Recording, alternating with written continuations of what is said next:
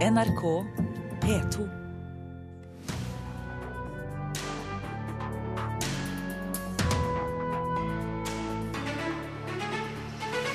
Olav Thon-gruppen, som driver 100 kjøpesentre i Norge, tar selvkritikk. Vi kunne ha bygget penere og tilpasset omgivelsene bedre. Norske organisasjoner som jobber med kunstnere internasjonalt, mener Trumps innreiseforbud rammer blindt. En islamist å bli glad i, sier vår kritiker om boka om nordmannen som er dømt som fremmedkriger i Syria. Du hører på Kulturnytt, velkommen skal du være. Mitt navn er Stine Tråholt. Kjøpesenterutbyggerne må ta sin del av ansvaret for at de tradisjonelle handlegatene i en rekke norske byer og tettsteder er tømt for folkeliv. Det sier den kjente arkitekten og blyplanrådgiveren Petter Butensjø. Norges største kjøpesentereier Olav Thon-gruppen innrømmer at både kvaliteten på sentrene og tilpasningen til omgivelsene kunne vært bedre. Vi tar kritikk på sikkert det vi har gjort, at vi kunne sikkert ha bygd flottere sentre. De kunne vært mer utadvendte mot uh, sine nærområder. Uh, og der har kanskje myndighetene ikke vært uh, nok på for å stille krav til slik utvikling. Tor Harald Bjerke har jobbet med kjøpesentre i 30 år. Nå er han konserndirektør for eiendomsdivisjonen i Olav Thon-gruppen, og har med det kontrollen over hele 100 kjøpesentre i Norge. Kundene liker kjøpesentre. Sier Bjerke, og det stemmer. Faktisk så topper Norge kjøpesenterstatistikken i Europa. Vi er verst faktisk i Europa. Vi har 900 kvadratmeter kjøpesenter per 1000 innbygger. Vi må langt ned på lista for å finne nestemann. Det er Sverige og Estland. 450. Sa forfatter Ronny Spans i Kulturnytt i går. Han har skrevet en ny bok om saken. Kjøpesenter er et privatisert, innelukka rom. Kjøpesenterlederen styrer dine rørsler i, i senteret. Du har ingen utsikt, du kan ikke drive politiske aktiviteter, du kan ikke ta med matpakken. Alt er retta mot én ting konsum og økonomisk profitt. Forfatteren får støtte fra den kjente arkitekten og byplanrådgiveren Peter Butenschøn. Butenschøn sier at kjøpesenterkjedene må holdes ansvarlige for det han kaller å ha brukket ryggen på norske sentrum de siste tiårene. Det er helt klart at de har et ansvar. Altså, de har penger, de har makt til å gjøre omtrent det de vil. Da Butensjøen i sin tid var direktør for Norsk Form, var han med på å få vedtatt en stans i nye kjøpesenteretableringer. Likevel viser historien at utbyggerne fikk det som de ville til slutt, sier han. Selv om vi nå fikk en kjøpesenterstopp i 1999, så viser det seg at kommunene gir dispensasjon, og staten gir dispensasjon. De lager unntaksbestemmelser slik at det virker ikke. Altså det er ikke noe kraft bak. I fjor omsatte norske kjøpesentre for over 150 milliarder kroner totalt. Og på sentrene er det som regel lange ventelister med butikker som vil inn. Direktøren i Olav Thon-gruppen har denne forklaringen på suksessen. Kjøpesentrene er de kanskje største arbeidsplassene i veldig mange av de regionene ligger. Det er stabile, gode arbeidsplasser som er nokså upåvirket av endringer og dårlige økonomiske tider. Og dessuten? Med det klimaet vi har i Norge, så er det jo åpenbart at uh, Norge er kanskje det landet i Europa som er best egnet for kjøpesentre. Altså Selv om vi har mye dårlig vær, så er det jo da nettopp viktig at vi har noen gode offentlige rom og fellessteder å være i. Og de slike fellessteder er ikke bare butikker med kassaapparater. Det må være noe annet og mer enn det som knytter oss sammen som folk sier byplanrådgiver Butenschøn. Han mener trenden er mulig å snu, men at det krever stort mot fra politikerne. Og De må si at det er faktisk de som bestemmer at butikker skal være del av bylivet, ikke skilles fra bylivet som egne handlemaskiner utenfor byene. Du hørte til slutt her Peter Butenschøn. Petter Sommer og Gjermund Jappé hadde laget denne saken. Siri Holmbo Høibo, du leder et prosjekt ved Doga norsk design- og arkitektursenter, som jobber nettopp med å bekjempe og forebygge sentrumsdød. Er denne sentrumsdøden en problemstilling for så å si alle norske byer? Ja, det kan jo virke sånn. Eh, nå har vi ikke tall på akkurat hvor mange ved Norges sentrum som, som sliter med eh, sentrumsdød, men, eh, men denne voldsomme oppmerksomheten og interessen eh, med en gang det kom, dette temaet kommer på, på agendaen, det, det, tyder jo på at det er veldig mange som sliter med det samme. Og det er jo fordi at når handlegater blir tømt for liv og butikker står tomme, så, så er det et veldig tydelig og synlig tegn på at en by er i resignasjon. Ja, Hvorfor anser dere det så viktig å bekjempe dette?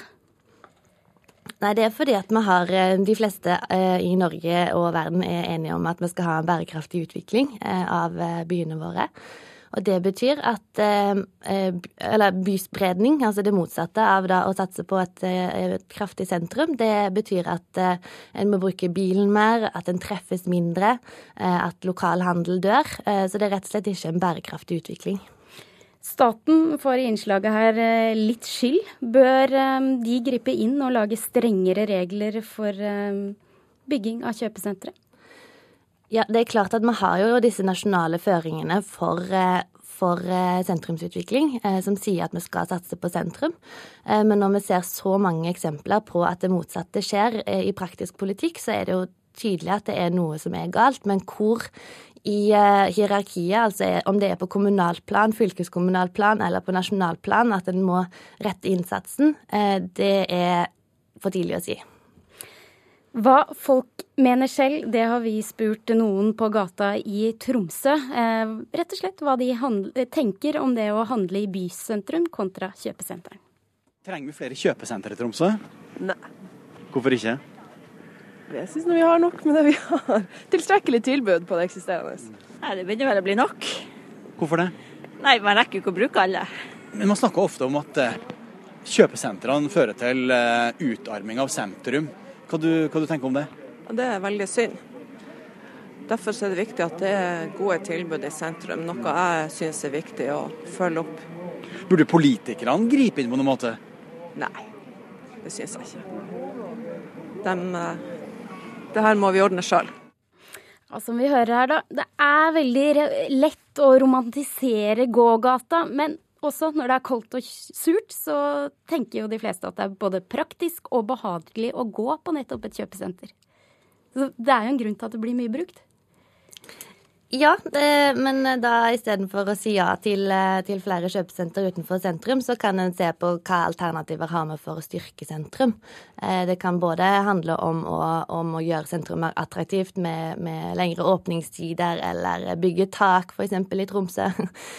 Um, ja. Og, og selvfølgelig òg eh, Vi er ikke sånn kategorisk mot men eh, det kan òg bli gjort på en bedre måte, som sjøl eh, Ton sier her. Altså ved å legge det nært sentrum, ved å knytte det bedre til, ved å ha åpnere fasader. Det, ja, det blir altfor ofte gjort på den enkleste og billigste måten, da. Ofte på en tomt utenfor sentrum. Og hvilke råd gir dere til de byene som dere jobber med? Eh, vi sier helt klart eh, sats på sentrum. Eh, Men er det så enkelt? Vi hører jo at kommunene sier at kjøpesentrene trygger en viktig kommuneøkonomi. Lett? Ja, eh, vi prøver å, å, gjøre begge deler. Vi må både jobbe for eh, å gi politikerne de argumentene og de rådene de trenger for å eh, si nei til ekstern kjøpesenteretablering, og boligetablering og kontorplasser. Alt som har med å, å ikke styrke sentrum. Eh, for, fordi eh, det medfører de negative konsekvensene som vi så godt vet. Men vi må samtidig jobbe for å, å styrke sentrum for å faktisk gjøre det attraktivt å bruke det. Siri Holmbo Høibo, velkommen. takk for at du kom til Kulturnytt. Du er prosjektleder eh, for arkitektur og byutvikling ved Doga.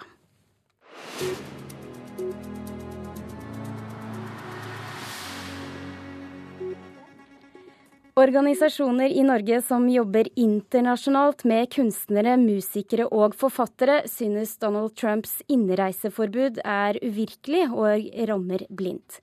Presidenten innførte nylig et innreiseforbud som rammer innbyggere fra sju land, som i hovedsak er muslimske. Begrunnelsen er at det skal gjøre USA tryggere. Forbudet skaper mange problemer for folk som lager film, skriver og turnerer. Det er helt absurd. Det forteller litt om hvor skrudd eh, Unnskyld, men denne mannen er. Sier Jan Lote Eriksen om innreiseforbudet til Donald Trump. Han er leder i Safe Muse. Vi er en uh, liten organisasjon som hjelper musikere som er trua og forfulgt, til, uh, altså, som har problemer i forhold til ytringsfrihet, til å komme på steder hvor, de, hvor det er ytringsfrihet, sånn at de kan få jobbe hjelpe ut av vanskelige situasjoner. Organiserer residenser for det meste. men har også bistått i forbindelse med, med fribyopphold for musikere. Kjenner du til noen som uh, får problemer nå med Donald Trumps innreiseforbud for folk fra sju forskjellige land? Ja, det, altså folk som vi har jobbet med, som reiser mye, som har problemer hjemme, og som også har prosjekter gående i USA, uh, nå vil få store problemer. Og uh, jeg hadde gleden av å jobbe med, eller, med en fantastisk klarinettist som jobber i dette store ensemblet til Yo-Yo Ma. Ehm, Kinan Asme. Han er eh, syrisk flyktning eh, og ehm, har etablert seg med leilighet i New York. Grønt kort, kan reise inn og ut i prinsipp som han vil. Han er nå på turné ute i verden og kommer ikke tilbake igjen. Kan ikke komme inn igjen. Eh, så det er klart at for mange musikere som reiser, så er dette et kjempeproblem. Film fra sør er en festival i Oslo som inviterer filmskapere fra Asia, Latin-Amerika og Midtøsten.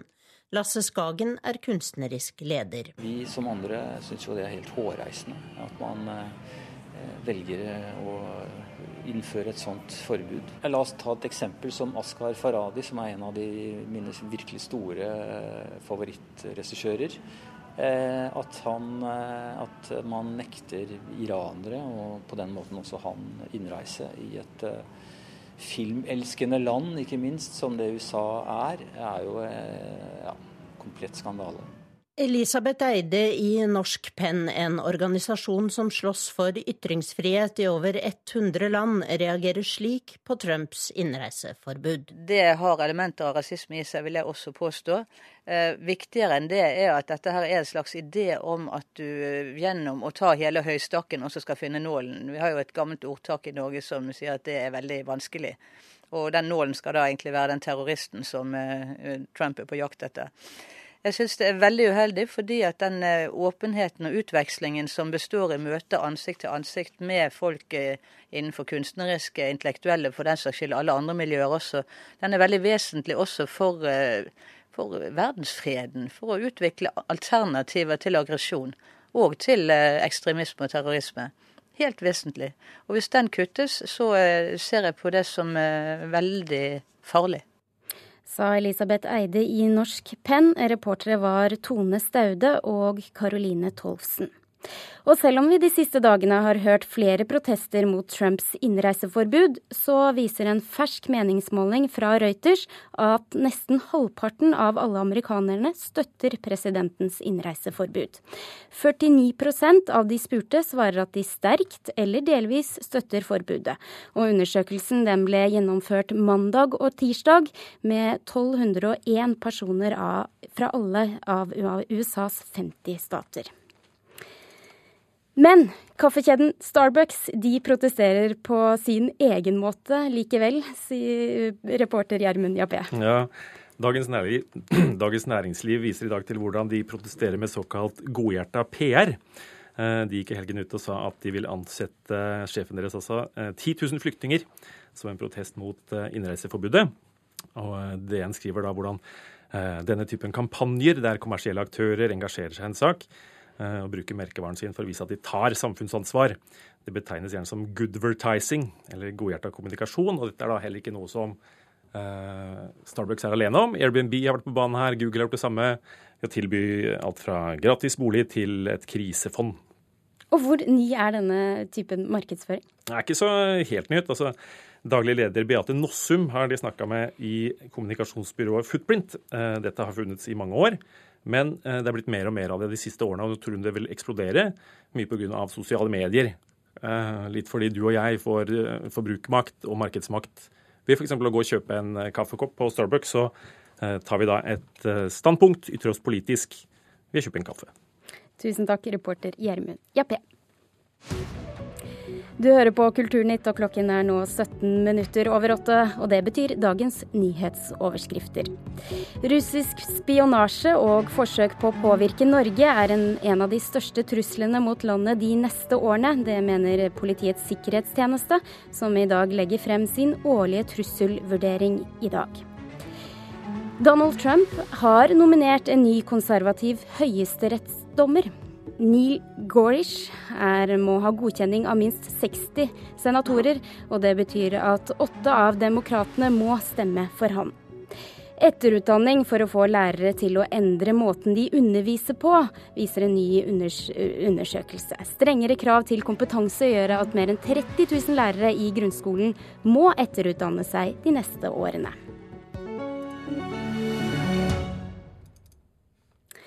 Eieren av huset der Adolf Hitler ble født, saksøker nå østerrikske myndigheter. Staten mener at det er nødvendig å rive huset fordi det nå er et sted hvor nynazister valfarter for å minnes Hitler. Derfor ble det i høst klart at huset skal eksproprieres og jevnes med jorden. Familien som har eid bygården i 100 år, vil derimot fortsette å leie ut bygget og tjene penger slik de alltid har gjort. Og Derfor så tar de nå saken til retten. Pål Weiden, sosiolog og Østerrike-ekspert ved Høgskolen i Oslo og Akershus. Myndighetene ønsker her å fjerne enhver kobling til Hitler, Hitler, men vil en eh, riving av dette bygget løse problemet? Jeg tror ikke problemet lar seg løse, ganske enkelt. Det er veldig vanskelig å kontrollere ekstremister. Og hvis de vil valfarte et sted, så vet jo alle hvor huset ligger og hvor det eventuelt har ligget. Men jeg syns det er en god start å jevne dette huset med jorda, faktisk. Kan du fortelle litt om denne tradisjonen som nynazistene har i dag? Uh, ja, altså det, det, er jo ikke noe stor ting. Det er jo selvfølgelig heldigvis et forsvinnende lite mindretall som driver med denne dyrkelsen da alt som har med Hitler å gjøre. Og som kjent så finnes det ikke noe graf av Adolf Hitler. Det finnes ikke naturlig nok minnesmerker rundt omkring. Så en av de få tingene som er igjen, er dette huset der han da høyst tilfeldig for øvrig ble født, vel ikke engang levde. Så, så, dette er det som er igjen. Og, og det er jo kontroversielt, for det det er jo faktisk rettsstatlig en, en, familie som eier det. Det er privat eiendom. Og det ble også diskutert kort i det østerrikske parlamentet da saken ble besluttet. Så det var noen liberalere faktisk som da var mot ut fra tanken om, om eiendomsrett, ganske enkelt. Men det massive flertallet er jo for å, å, fjerne dette huset. Men hvis du sier at problemet ikke er så stort, er det da nødvendig å rive bygningen? Ja, jeg tror det er, det er symboltungt. Og dette er en av de ytterst få ting som da på det nivået er igjen etter denne liksom århundreforbryteren Adolf Hitler. I tillegg til Wien så har man et minnesmerke av Josef Stalin, faktisk, som har vært kontroversielt i mange år. Og nå har man også dette huset som kommer opp med jevne mellomrom, blir dette diskutert. Og jeg, jeg syns på en måte det er på tide å sette en strek av dette, i den grad det lar seg gjøre. Ja, hvor følsom er denne saken i Østerrike? egentlig ikke veldig følsom. fordi at for det første så Den generasjonen som måtte være igjen og, mimre om, om Tredje riket, så å si, den, den dør jo ut. Og, og, og, det er ytterst få ekstremister som driver da og valfarter. Men det er selvfølgelig også høyreekstreme fra hele Europa som syns dette er litt stas. da. Og stor sak er det heldigvis ikke, men jeg syns man skal få en løsning på det. Og det var jo en ekspertkommisjon som gikk inn for å rive huset og bygge det opp som noe annet, ganske enkelt. Jeg syns det høres ut som en veldig god idé. Men i Norge så har vi gjort en helt annen løsning. Vi har eh, valgt å beholde Quislings Villa Grande og lagt Holocaust-senteret dit. Det er helt riktig, og det var et alternativ bruk. HL-senteret ute på Bygdøy har blitt veldig flott, og det er en flott bruk. Men man kan jo heller ikke sammenligne Quisling, eh, i denne sammenheng en, en harmløs tulling, med denne liksom århundremorderen Adolf Hitler. Det er, det er, vesentlig tyngre forbrytelser knytta til, til, Hitlers navn enn det er til Quisling. Og, og jeg, igjen, jeg, jeg syns det, det er to muligheter. De har valgt den ene nemlig å gjøre om huset til noe annet. Alternativ hadde vært alt fra flyktningmottak, asylsøkersenter, antirasistisk arbeid osv. Men jeg, jeg syns det er en grei løsning rett og slett å, å, å rive og bygge opp huset igjen. Nå skal saken opp i retten. Du har et ganske klart standpunkt av utfallet? Ja, jeg tror jeg følger flertallet, det massive flertallet av politikerne i Østerrike her. Pål Weiden, sosiolog og Østerrike-ekspert ved Høgskolen i Oslo, takk for at du kom til Kulturnytt.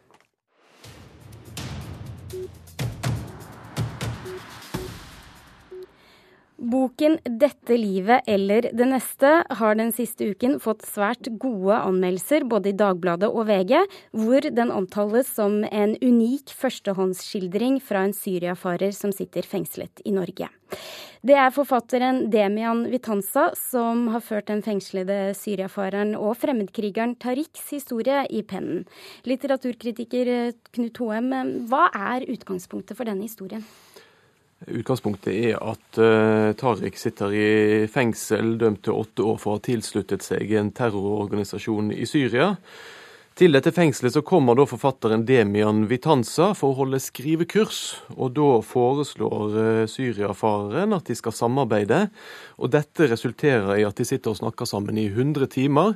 og Ut av disse 100 timene så har da Demian Vitanza skrevet ned Tariks eh, fortelling. Jeg tenker meg det nesten som et skriftemål, der eh, den som skrifter sitter på den ene siden, og så er det et gitter imellom som er et slags fiksjonsslør, og så sitter da Vitanza som en prest på den andre siden og lytter. Og vi som lesere sitter også og lytter til hans historie.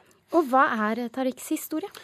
Den begynner egentlig ganske sånn eh, vanlig. Det er en ung mann som er født i Norge med en eh, pappa som er på skråplanet og vokser opp med moren og kommer til skolen med plastpose, med en gymtøy i en plastpose, som man sier billedrikt og, tal, og talende, mens alle de andre har kule bager og kule treningsbukser. Eh, det er en ung mann som eh, ikke finner sin plass eh, i det norske samfunnet, og som havner utpå, begynner med dop og kriminalitet, og på et eller annet tidspunkt så bytter han ut dopet med moské, og så når det smeller i Syria, så bestemmer han seg for å reise dit. Tror du på hans historie? Det er et veldig interessant skifte i denne boken, der, som jo er fortalt på den måten at vi får bare Tariks fortellinger. Spørsmålene til Vitanza er jo borte. Men midtveis her, idet han forlater Norge og skal til Syria, så er det en slags krise i forholdet mellom de to, der Tariq sier det at nå er det noe jeg ikke kan fortelle, nå må jeg holde noe tilbake. Mest fordi at PST leser dette nøye, og fordi eh, det kommer til å involvere andre. Eh, så her ligger det noen forbehold. Eh, for at dette skal fungere som et skriftemål, så må jo vi tro at, mest, at det grunnleggende i denne fortellingen er sant. Og jeg tror også at det grunnleggende er sant. Og da er det jo sånn at Tariq hevder at han ikke begikk forbrytelser i Syria. Han ble gående mellom ulike terrorgrupper. Men helt sikker på om dette stemmer, det kan ikke vi vite. Nei, fordi Det er jo noe av det som er litt forvirrende her. Utgangspunktet for historien er helt sant, men dette er en roman, og Aftenpostens kritiker skriver at denne historien fungerer rett og slett ikke som det. Hva mener du? Eh, etter mitt syn så er det romanformen som er denne bokens store styrke, og som gjør den unik. Altså Det som er poenget med skjønnlitteratur, det er at istedenfor at man skal få klarlagt et eller annet saksforhold, så skal man bli kjent med et menneske. Dette er Tariks invitasjon til oss på å se han som menneske, og få se han som noe mer enn på en måte den, eh, de skrytebildene vi har sett i VG med en fyr med, eh, maskert fyr med, med gevær. Vi kommer på innsiden av han, og det gir oss en mulighet til å forstå på en helt annen måte enn andre tilsvarende dokumentariske bøker. Du skriver i din anmeldelse på nrk.no at du blir glad i ham. Hvorfor det? Det er noe med den uh, åpenheten som ligger til grunn her. Det er også rent litterært sett en utrolig drivende god fortelling. Han Tariq har et veldig billedrikt språk som gjør at uh, når det kommer en sånn fortelling om utenforskap, uh, så får jeg lyst til å si tilbake at uh, dette landet her har ikke råd til å miste noen ungdommer. Vi har ikke råd til å slippe fra oss. Noen av dem, vi må invitere dem inn igjen i varmen. Jeg opplever denne boken som en utstrakt hånd, og da må vi gripe den. Og hele anmeldelsen din kan du lese på nrk.no. Knut Hoem, takk for at du kom. Gruvene på Modum i Buskerud var på 1800-tallet verdens største leverandør av blåfarge. Og nå er Blåfarveverket en viktig turistattraksjon i området med galleri og aktiviteter. Men til våren så kommer det en ny attraksjon, og det skal gi besøkende et skikkelig sug i magen. Vi beveger oss innover i mørket innover trange passasjer i fjellet i Blåfarveverkets koboltgruver fra slutten av 1700-tallet. Vi har gått 400 meter nå fra utgangen og hit til Edvardshakt. Hakk i hæl på direktør Tone Sinding Steinsvik nærmer vi oss Edvardssjakten. Her skal hun vise fram det de jobber med, som kan gi publikum et skikkelig sug i magen. Jeg håper at de skal oppleve at de svever i denne sjakten. For når Blåfarveverket åpner dørene sine i mai, blir det med en ny severdighet i koboltgruvene. Et glassgulv skal monteres og henges opp over den åpne sjakten, og vil bli en del av den historiske sightseeingturen som de besøkende kan ta. Det gamle gulvet er jo råtnet og borte, og nå kommer det altså et glassgulv som vi skal gå, kan gå ut og oppleve både hvordan sjakta har fungert, og hvordan det er å gå ut på et glassgulv med 20 meters eh, dybde under seg, og hvor man bare ser det originale tregulvet langt, langt der nede. Skal du skremme vettet av de nye gjestene, da? ja, vi må nok gjøre litt spektakulært både det ene og det andre. Men, eh, men det, er, det blir jo veldig spennende. Veldig spennende. Jeg var litt uh, skeptisk, da, men uh, når vi liksom fikk drodda oss fram og fikk begynt å konstruere litt, og sånn, så, så, så vi for at dette her er, går egentlig veldig greit. Sier prosjektleder Stein Håvik fra entreprenøren Hære. Gulvet blir det første underjordiske glassgulvet i Norge, og selve monteringen skjer i mars. Så langt er det kun sikringsarbeider som er gjort i gruvesjakta. Prosjektlederen garanterer at det svevende gulvet blir trygt. Det glasset tror jeg ikke er noe problem å, gå på, for det, det er 50 eh, mm glassplate som, som, skal kunne gå på. Og her er det en bærebjelke som, som, som bærer dette her, eh, det er tigangen.